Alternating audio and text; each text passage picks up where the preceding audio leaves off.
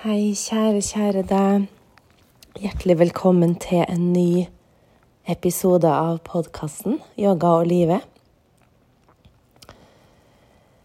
Jeg håper du har en sommer som du er fornøyd med, eller at du i hvert fall har gode dager. Nå er det jo sånn at vi ofte kan ha litt forventninger til ferie. At ja, i hvert fall mange da går og hele året og gleder seg til ferie. Og så kommer på en måte ferien, og så blir det ikke alltid sånn som man har ønska seg eller tenkt. Jeg tror det er nok mange som kan kjenne seg igjen i. Og om grunnen til at du går og gleder deg, er for at du hater jobben din, eller syns det er slitsomt, eller at du rett og slett bare gleder deg til ferie fordi du skal reise bort, eller fordi at du skal få slappe av, eller eh, møte familie som bor på den andre sida av landet, eller om familien skal oppdage nye, spennende steder. Kanskje har dere et fast feriested som dere drar til. Eh, da jeg var liten, så var jeg alltid veldig sånn som gleda meg. Jeg gleda meg veldig mye. Jeg hadde sånn veldig mye sommerfugler i magen og så veldig frem til ting og kunne være helt sånn Altså, jeg gleda meg sånn at jeg ikke fikk sove. Og det følger jo gjerne med når du er høysensitiv, at du har veldig Du har veldig sterke følelser da. Så du har veldig høye Høye Skal jeg skulle si eh, Høye, gode opplevelser. De gode opplevelsene er veldig store. Høye høyder og dype daler. Høyt opp og lavt ned. Det er vel gjerne litt sånn, for du får jo begge deler. Det er ikke sånn at du kan velge å si nei, jeg tar bare de himmelhøye følelsene. Og så står jeg over de dype. Eh, det er jo gjerne fristende å si det, og da jeg var liten, så tenkte jeg vel litt sånn at ja, de høye når jeg har det kjempebra, eller det er mer da jeg var tenåring og begynte å bli mer bevisst. da. Altså Som barn så var jeg et veldig lykkelig barn. Um, det må jeg si. Jeg, var, jeg tenkte at verden var min lekeplass, og jeg gleda meg ofte til å stå opp. Kanskje ikke akkurat da jeg gikk på videregående og var trøtt og kunne tenkt meg å sove lenger, så var det ikke akkurat noe fest å stå opp, men jeg gjorde det. Jeg sto jo opp før alle andre, og jeg laga frokost til mamma og pappa før jeg dro på skolen. Eh, det gjorde jeg innimellom. Ikke hver dag, men jeg gjorde det innimellom. Eh, eller kunne plutselig rydde kjøkkenet eller ta ut av maskiner før jeg dro på skolen, sånn at mamma skulle bli overraska. Og så hadde jeg tenkt noen ganger Jeg lurer egentlig på om jeg var en litt sånn gullunge da jeg var liten. Eh, for jeg har tenkt på det. Jeg har spurt mamma. Um, faktisk òg. Var jeg noe vanskelig? Hadde jeg noe sånn tenåringstrass, eller var jeg en vanskelig tenåring? Mamma sier nei, det var du ikke. Jeg var ikke noe vanskelig tenåring. Jeg var voksen og tok mye ansvar og ja. Så det er, egentlig, det er egentlig, litt sånn Det er egentlig veldig godt å høre òg, selv om det er absolutt lov å være en vanskelig tenåring. Det er 100% lov. Og Ja. Jeg bare husker litt tilbake til da, for jeg følte meg da jeg var 15, så følte jeg meg ganske voksen. Og det husker jeg i forhold til ferie også. Vi ferierte jo i Italia, i Nord-Italia. Så det er derfor Italia er ferielandet mitt eh, nummer én, egentlig. Nå har jeg blitt veldig glad i Spania i det siste også. Særlig pga. turen vi hadde i år, til Neria. Eh, det uttales jo egentlig Nerha, men jeg orker ikke å si det nå, for jeg har så vondt i halsen. Så jeg bare begynte å si Neria, for jeg snakker såpass ofte om det nå at nå har jeg bestemt meg for å ikke si det autentisk. Jeg sier det på trøndermåten. ja. Og så i forhold til det å glede seg til ferie, så var jeg veldig sånn at jeg gleda meg veldig til det, helt sikkert jeg var en 17 år i hvert fall. Og da husker jeg det der at jeg nesten ikke klarte å sove, jeg planla. Jeg pakka jo i god tid, og så sparte jeg opp penger sjøl, for jeg jobba jo. Jobba jo fra jeg var akkurat hadde fylt 15, så begynte jeg å jobbe den sommeren etter det. Um, og da sparte jeg opp penger sjøl, som jeg hadde jobba for gjennom hele året. Og som jeg skulle ha med til lommepenger, da, eller det det gikk til, det stort sett, det var å kjøpe feriegaver til venninnene mine. Og så kan du ikke gjette godteri. Det gikk selvfølgelig til godteri. Store mengder godteri hver dag som jeg jafsa i meg. Og så var det jo så mye spennende godteri. Og det var så mye spennende ting. Du vet sånne småsjapper i Syden, sånn type som har både suvenirer og alt mulig rart. Masse sånn glassting. De hadde ofte mye glassting i Italia. Og så var det sånne små dyrefamilier, så, sånn til å ha i settehylle, eller du kunne bare sette et speil på bakken, og så satte du de tingene oppå. Så husker jeg det første jeg kjøpte, var en sånn fiskefamilie som hadde halene i været. Og de var så søte. Jeg bare husker dem. Jeg ser dem for meg. Så kjøpte jeg en skilpaddefamilie, husker jeg. Så kjøpte jeg på en måte én og én sånn familie hvert år, da. Som var til pynt bare, som jeg hadde stående hjemme på en sånn speil. Så sto de til pynt på et bord, da. Og nei, det var Det var for meg helt magisk. Det var drømmeferien å dra dit. Og så var det hotell. Et lite Eller ikke, ikke kjempe, vanlig størrelse, kanskje, men familiedrevet hotell hvor vi ble kjent med den italienske familien som eide eh, Hotell Daniele. Danieli. Og strand som var rett i nærheten, gangavstand til fra hotellet. Og så, var, også var det faste rutiner hver dag. Vi visste på en måte hva vi Vi visste hva vi dro til, da. Og det var det jeg syntes var så fint òg med ferien, at da jeg gledde meg, så visste jeg på en måte hva vi fikk da vi kom. Jeg visste at de, når de så at vi kom kjørende Ah, Helgesens, velkommen. De snakka jo tysk til oss. Så kom de og tok imot oss ut på den trange parkeringsplassen. Den var veldig trang. For det var jo på en måte inne i sentrum av badebyen som vi pleide å dra til. Og så og jeg husker jeg var så ivrig og hadde lyst til å hoppe ut av bilen, for man ble jo glad i dem som jobba der òg. Og da husker jeg at man fikk sånn skikkelig ordentlig klemmer. Og så var det én der som pleide liksom å ta tak i kinnet vårt og så røske litt i kinnet. Og vi kunne jo navnene deres og eh, Ja. Så det var sånne minner og sånn Det var en sånn trygghet også å komme dit, for vi visste hvor ting var. og visste hvor vi skulle gå og visste rutinene. Og så hadde vi helpensjon, så vi hadde frokost på hotellet, lunsj og middag. Frokost så var det litt sånn tørre rundstykker, husker jeg, men det var godt, det òg. Etter hvert så begynte jeg å spise sånn surdøysbrød. Så var det jo litt frukt og pålegg, og ikke noe sånn stor eh, frokost egentlig, men jeg drakk en del kaffe eh, latte. Og ja. Det syns jeg var godt. Og appelsinjuice, litt juice hadde de jo. Og så hadde de Nutella på små bokser, og så hadde de honning på små bokser. Og det var bare, jeg bare ser det som dere hører nå, så ser det sånn levende for meg. Nesten så at jeg føler at jeg er der når jeg begynner å snakke om det. Og det handler igjen om den sensitiviteten. Hvis du er veldig eh, en sensitiv empat, da, så kan du leve deg sånn inn i ting at du føler at du er der. sant? Og det kan jeg også når jeg forteller om det så er det akkurat som jeg er der igjen som liten. Um, og så dro vi til stranda ganske raskt etter vi hadde spist. Det var jo frokost et visst tidspunkt, så den, man måtte jo spise sikkert før, før ti, tenker jeg.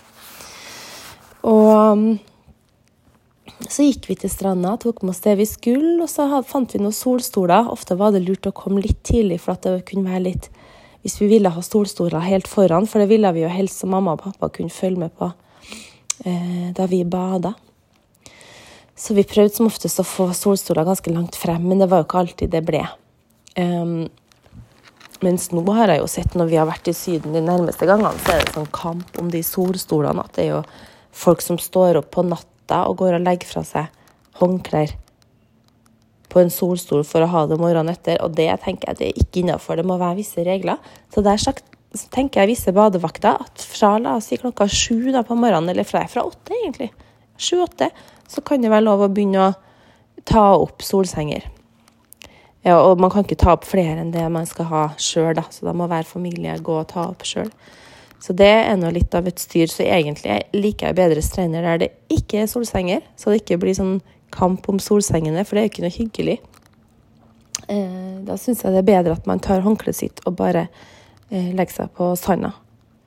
Så det var det vi gjorde da vi var i Neria nå. Så bare hadde vi med oss håndkle, og så fant vi oss en liten, fantastisk strand som ble favorittstranda. Vi var jo på et par stykker, forskjellige, bare for å synes det var artig å utforske litt. Men den ene var helt magisk, og der var det ingen solsenger, men det var noen parasoller bare som sto der, da. Vi ville jo ikke ha parasoll, for vi ville jo selvfølgelig ha sol når vi først var der. Og først hadde dratt fra Trondheim, så ville jo vi ha mest mulig sol, egentlig. Mm. Så det er mitt første, eller mitt aller beste møte med Spania, uten tvil nå i år, altså. Det er imponert, for jeg har alltid tenkt Italia er bedre enn Spania. Italia er mer autentisk. De er, har bedre mat. De har eh, mer stolthet av maten sin. Da. Og liksom tenkt Og det italienske språket er mye vakrere og flytende enn det spanske. Det er mer hardt. og Jeg har tenkt litt sånn, men akkurat i år så begynner jeg faktisk å tenke ja, Spania. Veldig bra, det også. Og det er jo det som er så fint med å reise litt ulike steder rundt i verden, det er at man oppdager oppdager litt forskjellig. Jeg kunne egentlig gjerne ha tenkt meg å ha hatt et feriested, hatt en leilighet f.eks. i Nørja. da. Um, som man kunne dra tilbake til, for da har du ditt eget. Jeg som litt sånn, har litt bakteriefobi òg. Så hadde det vært deilig på en måte å ha et sted som det liksom er bare Som er ditt eget, da, rett og slett. Og kunne legge igjen litt ting og Ja. Da får man en slags tilknytning, da, men samtidig så hindrer jo det deg litt fra også eh, reise rundt. For det å ikke eie noe, det er fordel. Fordi man da er fri til å dra hvor man vil, da. Hadde man plutselig hatt en leilighet i Nørja, f.eks., det er jo en liten drøm. Det hadde vært fantastisk, men vi har jo virkelig ikke råd til det nå. Eh, men det hadde jo vært helt nydelig å ha en leilighet eller et eller annet sted på et sånt sted.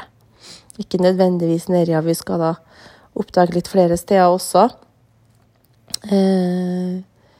Men det hadde virkelig vært fantastisk å ha et sted man kan dra til. Men det kanskje når vi blir, når vi blir pensjonister eller blir litt eldre, da, at man kan ta med seg jobben og jobbe digitalt. At man kan reise og så være kanskje en måned eller to eh, i et varmt strøk, bare for å få D-vitaminer og sol og ha det godt og varmt, bare. For jeg tror det er veldig Eller i hvert fall for meg, jeg vet det er veldig sunt for kroppen min. Men det her er jo selvfølgelig langt frem. Det er jo selvfølgelig når barna har blitt store og har sine egne liv, skulle til å si, og studere og eh, har flytta hjemmefra. Selv om jeg vil ikke tenke på det, men man vet jo at det skjer på et eller annet tidspunkt.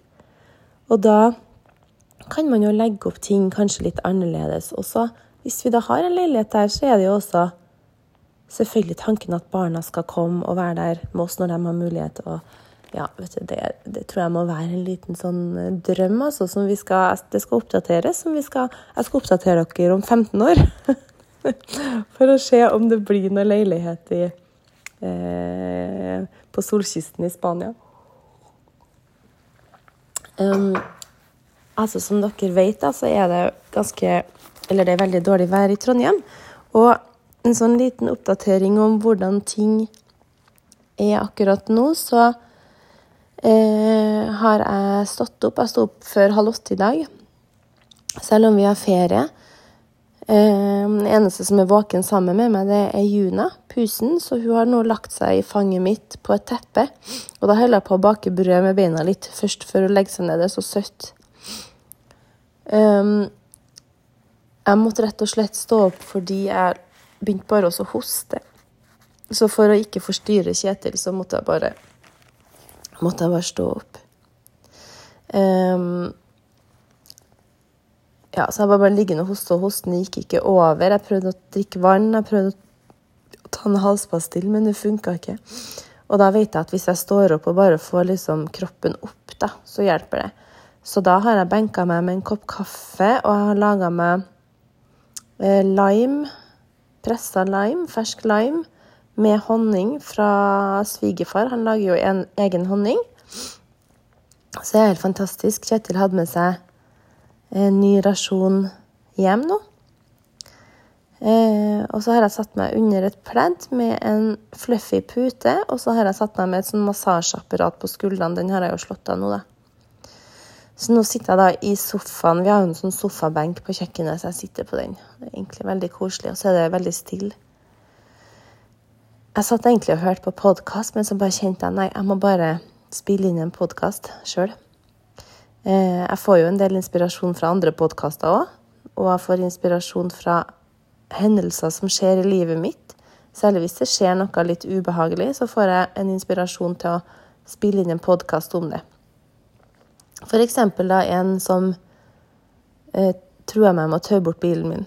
Da jeg sto ti minutter et sted det var ledig plass utafor noe som byggvare, et eller annet greier. Ja da, Så da ble det jo en podkast om, om, det, da. Um, ja, så sånn, det, sånn som ståa er nå, da, så har jeg også vært forkjøla i to uker. Det er tirsdag for to uker siden så begynte jeg å bli forkjøla. Og jeg er fortsatt forkjøla. Jeg har vondt i halsen, og jeg hoster, og jeg har vondt i kroppen. Så to uker. Og det må jo være litt pga. værovergangen. For i Nerja, da vi var der i ni dager, så hadde vi helt nydelig vær. Det var godt og varmt. Ikke veldig varmt på kvelden, egentlig. Litt for lite varmt, syns jeg. Jeg er jo glad i varme, skikkelig varme. For, vi unngikk akkurat varmebølgen, da, så det var derfor. Og så kommer vi hjem, og så er det iskaldt og regn. Og da tenker jeg jo at det er noe derfor at jeg er blitt forkjøla. Og så har det liksom ikke blitt bra igjen, for det er fortsatt regn og iskaldt. Og det kjenner jeg jo litt på nå. Det var en dag her det var åtte grader. Åtte grader i juli. Og så vidt jeg husker nå, så er ofte juli i Trondheim veldig dårlig. Så det er ingen, ingen tvil om at neste år det er uaktuelt å være i Trondheim hele juli. Fordi det er helt greit å ha åtte grader i mars og april.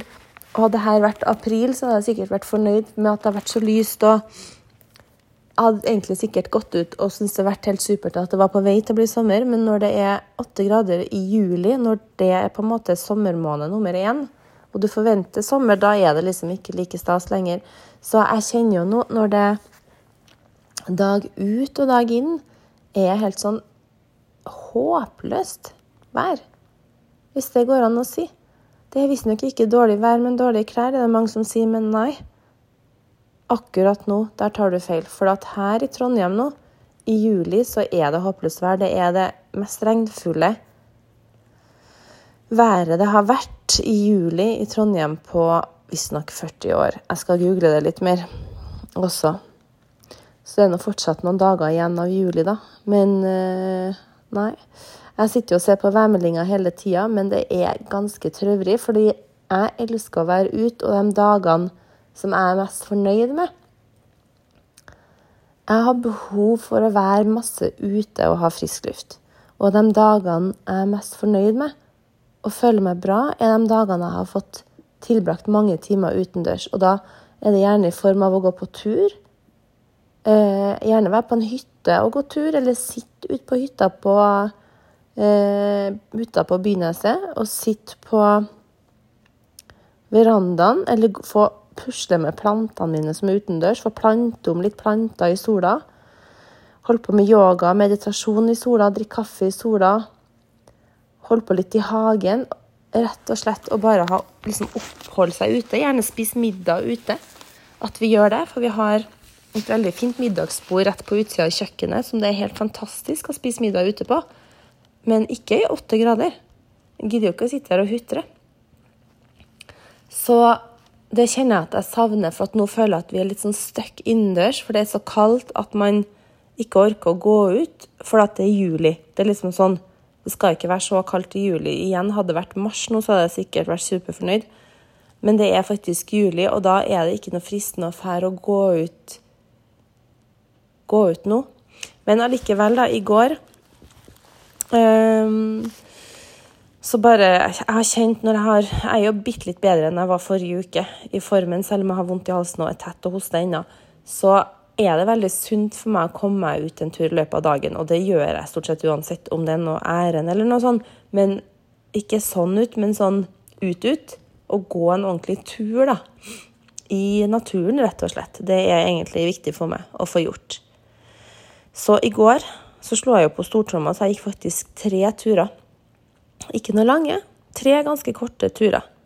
Men jeg kom meg i hvert fall ut, og jeg kjente den siste turen var sånn i halv åtte-tida på kvelden. Litt over halv åtte, kanskje. Nei, ja, rundt halv åtte, da. Og da hadde jeg egentlig ikke trengt å gå noe mer. Jeg kunne bare slappe av, for da hadde jeg gått tur to ganger allerede. Men så bare er det sånn derre Nei, jeg må bare ut og lufte meg litt igjen. Jeg må bare ha litt dagslys og bevege meg og ha frisk luft, og så kjenner jeg at jeg blir veldig rastløs i beina hvis jeg ikke har fått beveget meg nok. Så det som det også resulterte i, da, er at jeg kan bli sittende og riste litt på den ene foten.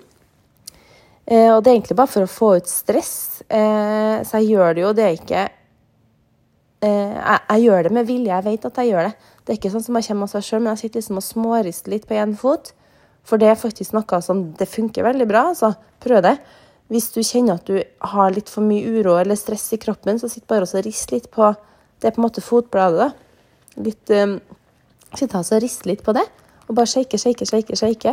Og det er faktisk en måte som også dyrene bruker på å få ut stress på. Når de er stressa, så rister de seg.